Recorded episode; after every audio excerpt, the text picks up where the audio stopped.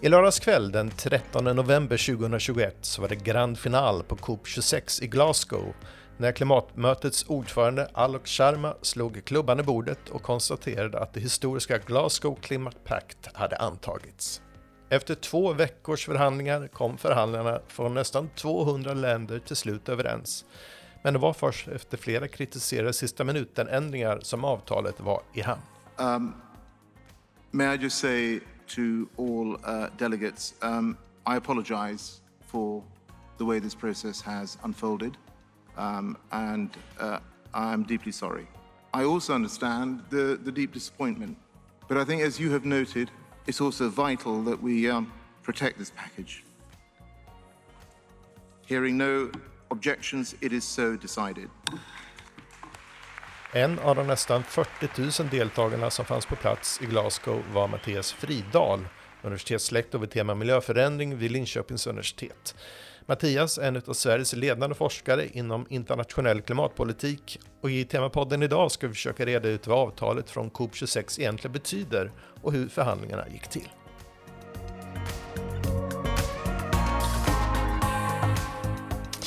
Välkommen Mattias! Känns det bra att vara tillbaka i Sverige? Det känns bra tycker jag, absolut. Ja, lite jetlaggad sa du tidigare att du var här. Ja, trött framförallt, eh, kanske inte så mycket jetlag eftersom det är ungefär samma tidszon, men väldigt mycket sömnbrist från eh, att ha flängt mycket i Glasgow, långa avstånd och sovit på soffa och eh, varit uppe sent på nätterna för att följa förhandlingar och sitta i olika möten och sådär och så upp tidigt igen på morgonen och så. Så att efter en vecka så saknas det lite sömn. Jag förstår det. Och verkligen intensiva dagar. Alltså, när man lyssnar på det här klippet här som vi hörde i inledningen, Alok Sharma, han gråter ju nästan när han klubbar igenom det avtalet. Mm. Hur, hur, blev det så här?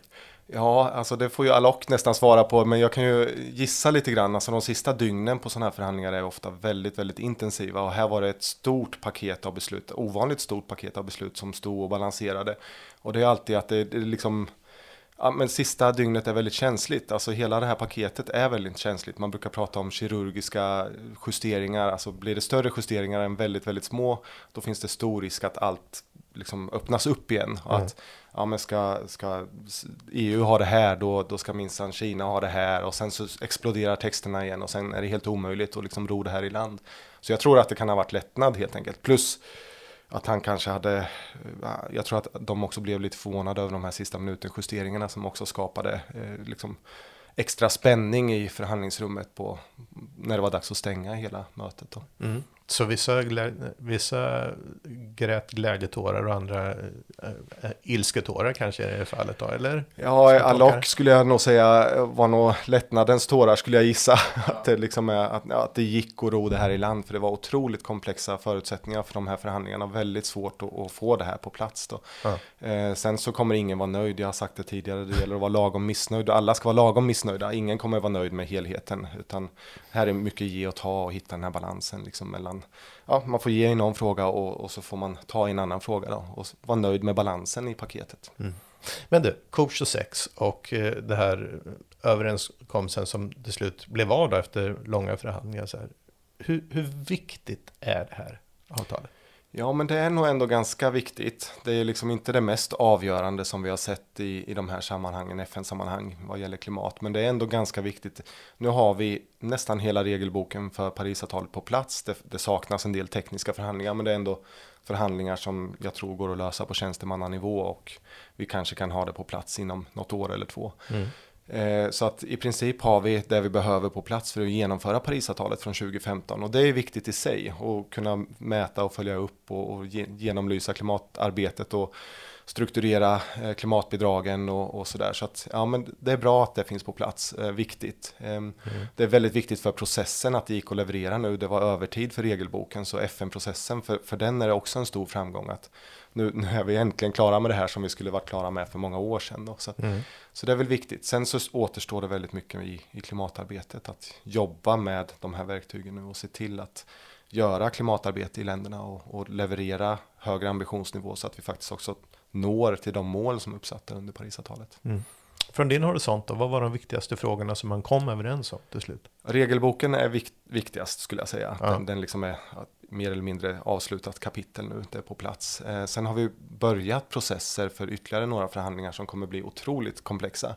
Och att det gick att sluta mötet, liksom stänga mötet med de här besluten på plats är väldigt bra för att det var bara i sig väldigt svårt att nå beslut i de dagordningsfrågor. Och det handlar ja. till, till, exempel om klimatfinansiering. Då där vi gick in i Glasgow med svikna löften från tidigare så att de rika länderna har in, hade lovat mycket pengar och sen inte levererat. Parallellt med att det skulle börja förhandlas nya löften om klimatfinansiering. Och det liksom utgångsläget för att förhandla de här nya löftena var inte särskilt bra. Nu finns mm. det en process för det. Nu är det några år framåt när det ska förhandlas. Och det, det kommer bli väldigt tufft men, men eh, det gick i alla fall att enas om plattformen för de förhandlingarna. Mm. Så det var en rejäl seger att man kom överens överhuvudtaget? Ja, det brukar kunna vara så i de här förhandlingarna, men det är lite olika mycket som står på spel med jämna mellanrum och nu var det lite mer som stod på spel än, än vad det brukar vara. Det var lite större beslut som skulle fattas, lite mer komplexa beslut och det var också många beslut, alltså att överhuvudtaget dagordningarna har liksom ärvt väldigt mycket från pandemin. Mandat som, som skulle förhandlats under pandemin och varit klara redan. Så att dagordningarna var väldigt, väldigt tjocka, väldigt tunga dagordningar. Och att mm. överhuvudtaget kunna hitta den tiden under de här två veckorna och behandla alla de här dagordningspunkterna. Det var en utmaning i sig. Så att det var väldigt svåra förhandlingar. Ett hårt arbete. Mm. Eh, det som var mest snack om då, det var ju Indien och Kinas sista minuten-ändringar då. Mm. Om man ska prata om deras agerande och vad det innebär för någonting. Kortfattat, vad är det de fick igenom som, som blev så mycket liv av? Ja, det handlar ju lite om en tydligare referens till vilka det är som behöver stöd i en omställningsprocess, att det är utvecklingsländer, fattiga länder som behöver stöd. Mm. Eh, men framförallt det som det har snackats mest om, det var ju att byta ordbruket eller språkbruket fasa ut till fasa ned. Mm. Ehm, och det var ju i, i relation till kolkraft, så det ska fasas ned kolkraften. Kolkraft som vi inte lyckas hantera på något annat sätt och minska utsläppen från.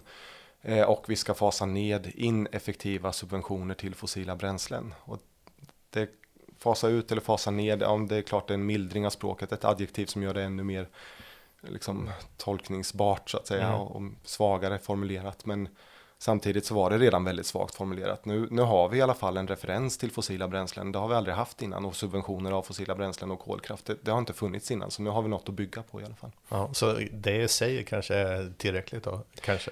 Alltså det är en vinst i sig att den ja. referensen finns med där i beslutet, i rambeslutet. Det pekar framåt för framtida förhandlingar och så. Sen klart ineffektiva subventioner, det är ingen som bryr sig om ineffektiva subventioner. Vi vill ju fasa ut de effektiva subventionerna till mm. fossila mm. bränslen. Det är de som är skadliga. Ineffektiva subventioner, det är ju nästan löjligt. Så att det, det är ju väldigt svagt språk, liksom ja. formulerat på ett väldigt milt sätt. Men samtidigt så nu har vi något att bygga på som sagt. Men om man drar igenom det här precis i sista sekund då. Mm. Hur, hur, ser du på det som, som proffs inom området och förhandlingar? Alltså det är inte ovanligt att det sker förhandlingar i plenum. Helst, alltså ordförandeskap hatar ju det för att de, de det liksom i plenum där sitter alla stater, 197 representanter, kontraktsparter sitter där och förhandlar då. Mm. Eh, normalt sett ska det vara, man går in i plenum med ett manus, besluten är färdigförhandlade, allt ska liksom flyta på där. Ja. Eh, det ska vara som en teater som, som är väl repeterad och välsmord. Så att när någon går in där och justerar i manus i, i sittande föreställning, det är då det blir svårt. Mm. Eh, och det var det som hände här. Och det händer ibland, men i det här fallet så var manuset redan beslutat. I, i, ofta annars när det händer så finns inte det där manuset riktigt på plats. Det är luckor i manuset och då kan det bli förhandlingar där. Nu var hela manuset färdigskrivet så att då blir det extra jobbigt när det, när det skrivs om på stående fot. Mm. Så att det, det, var en överraskning och eh, en besvikelse såklart. Mm. Men som du sa tidigare då, det kanske i, i slutändan ändå var så pass eh, svaga formuleringar så att det kanske inte spelar någon roll utan det kanske är mer en symbolisk eh, grej att man gjorde det i sista minuten. Ja, lite överraskande också för att Indien och Kina går ut i sista minuten. De borde ha förstått liksom PR-förlusten med det här mm. också. Ja. Eh, så att när det ändå redan var så vagt formulerat och, och liksom öppet för tolkning, väldigt stor tol tolkningsflexibilitet. Men varför så... gör man det ändå då? Ja, jag tror att man ville, man hade argumenterat för det här under förhandlingarna, hela förhandlingarna och ville nog få igenom det. Helt enkelt mm. tyckte att det var tillräckligt viktigt. Indien, Kina har ju mycket kolkraft och, och, det är klart att det är känsligt att lägga press på Indien och Kina att fasa ut den istället för att fasa ner den, särskilt i, i kontext av att de rika länderna inte har levererat sina löften kring stöd för klimatarbete i de här länderna. Så att, mm. eh, ja, jag tror att det helt enkelt handlar om att de tyckte att det inte var riktigt rätt balans i helheten och ville liksom mildra språket här när språket runt finansiering kanske inte var tillräckligt starkt. Då.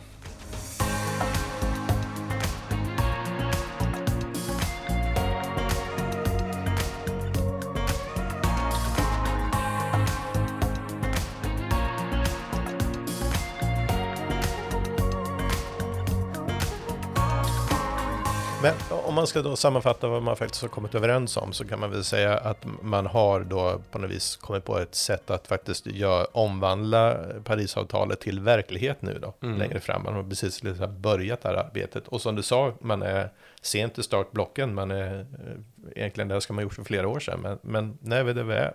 Eh, om man då inte gör det som man har utlovat att man ska göra, vad, vad händer då? Inte så jättemycket tyvärr. Alltså det, det är rent krasst är det så. Det, då får man skämmas.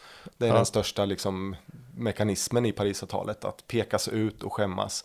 För det här ska ju liksom mätas enligt en standard nu som också är på plats. Och det ska rapporteras och verifieras. Och, och då blir det väldigt tydligt vilka som gör vad de lovar och vilka som inte gör vad de lovar. De som inte ja. gör vad de lovar, de, de får helt enkelt skämmas. Sen får de också stöd och tips av, av FN i olika processer hur de kan göra mer för att mm. uh, uppnå det de har lovat. Så att det finns liksom en, en stödfunktion mer än en strafffunktion här. Mm.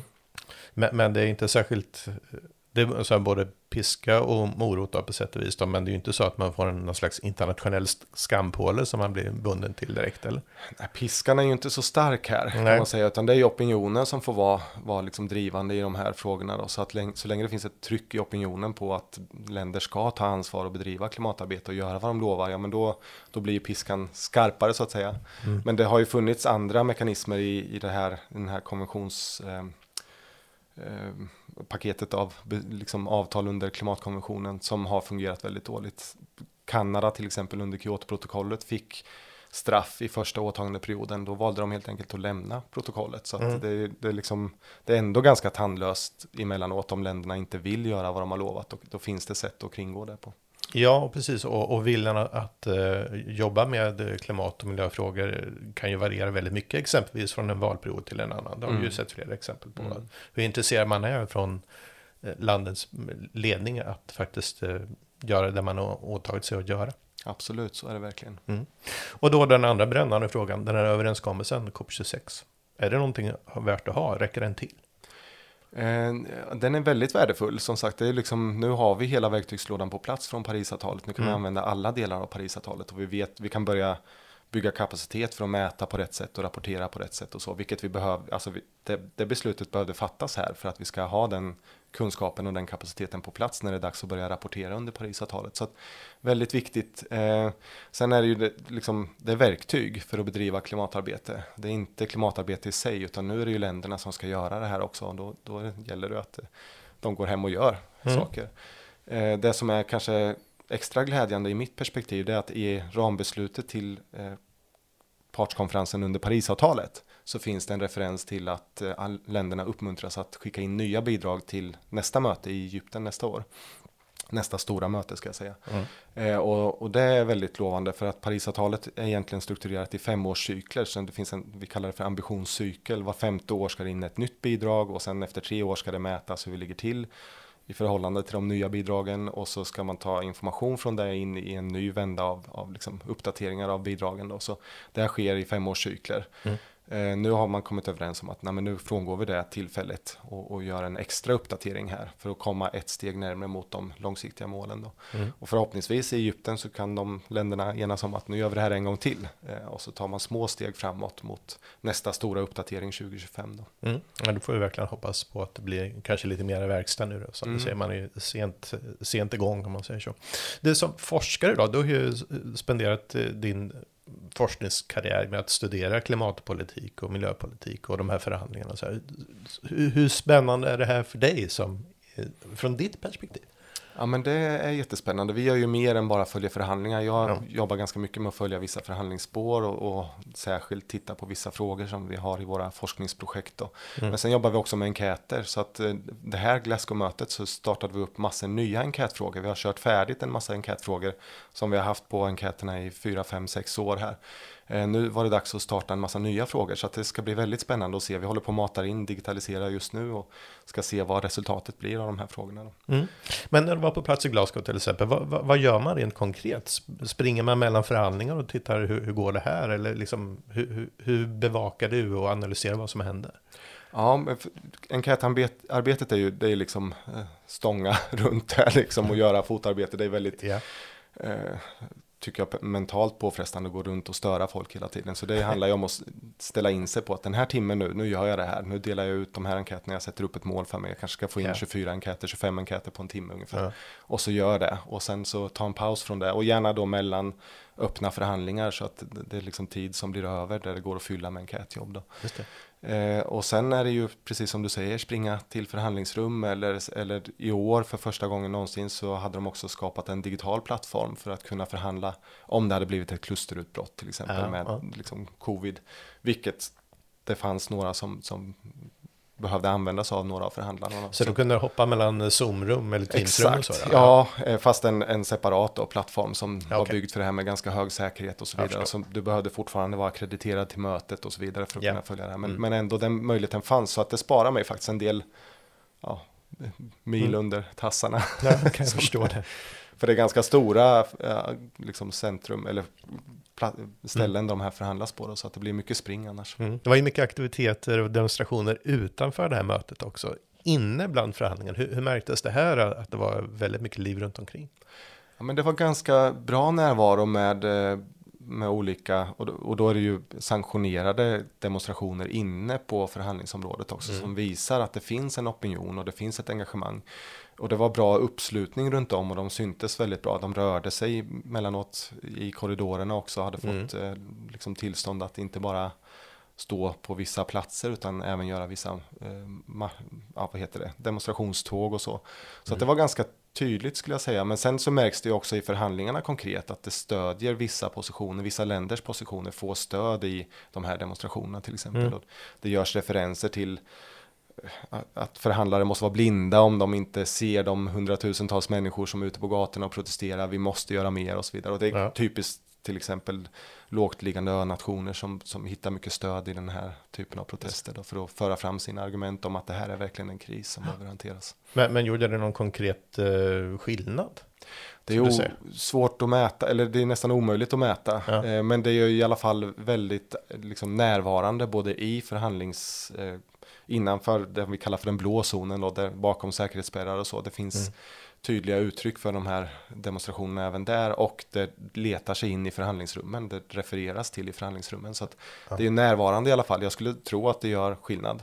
Och visas naturligtvis väldigt mycket vad gäller vad vi utanför förhandlingarna ser via media och sånt där också på, på ja, ja, vilken bild vi får av vad som händer. Ja, men så blir det ju. Det finns en medielogik såklart, men det är också så att är du akkrediterad mediadeltagare på de här mötena så får du inte sitta i förhandlingar. Så det går till exempel inte att rapportera direkt från ett förhandlingsrum, utan mm.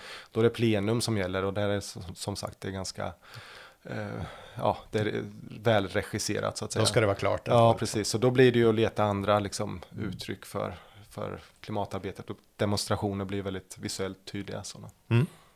Du, eh, nästa klimatmöte då, Egypten nästa mm. år. Hur eh, taggad är du för det mötet? Ja, det blir ju inte riktigt samma högprofilmöte eftersom mycket nu är städat. Men det har ju också getts många nya mandat. Så jag tror att det kommer bli lite mer tekniskt möte, lite mindre än politisk närvaro och mer, mer liksom arbete för, eh, vad heter de nu då, tjänstemännen, tjänstemannanivån då. Mm. Eh, så det, det, det, kommer inte få lika stort fokus tror jag inte. Men jag ser verkligen fram emot att följa det här, de här skärpta klimatbidragen och se hur det levererar i, i Egypten. Mm. Tack så mycket Mattias Fridal, universitetslektor vid tema miljöförändring vid Linköpings universitet för att du var med i Temapodden. Mm. Som idag handlar det om COP26 och förhandlingarna bakom detta historiska avtal. Vill du veta mer om Mattias forskning så finns det länkar till den i beskrivningen till detta avsnitt. Och vill du lyssna på fler poddar från Linköpings universitet så hittar du fler på adressen liv.se podcast. Jag heter Per Wirsbo Nivell.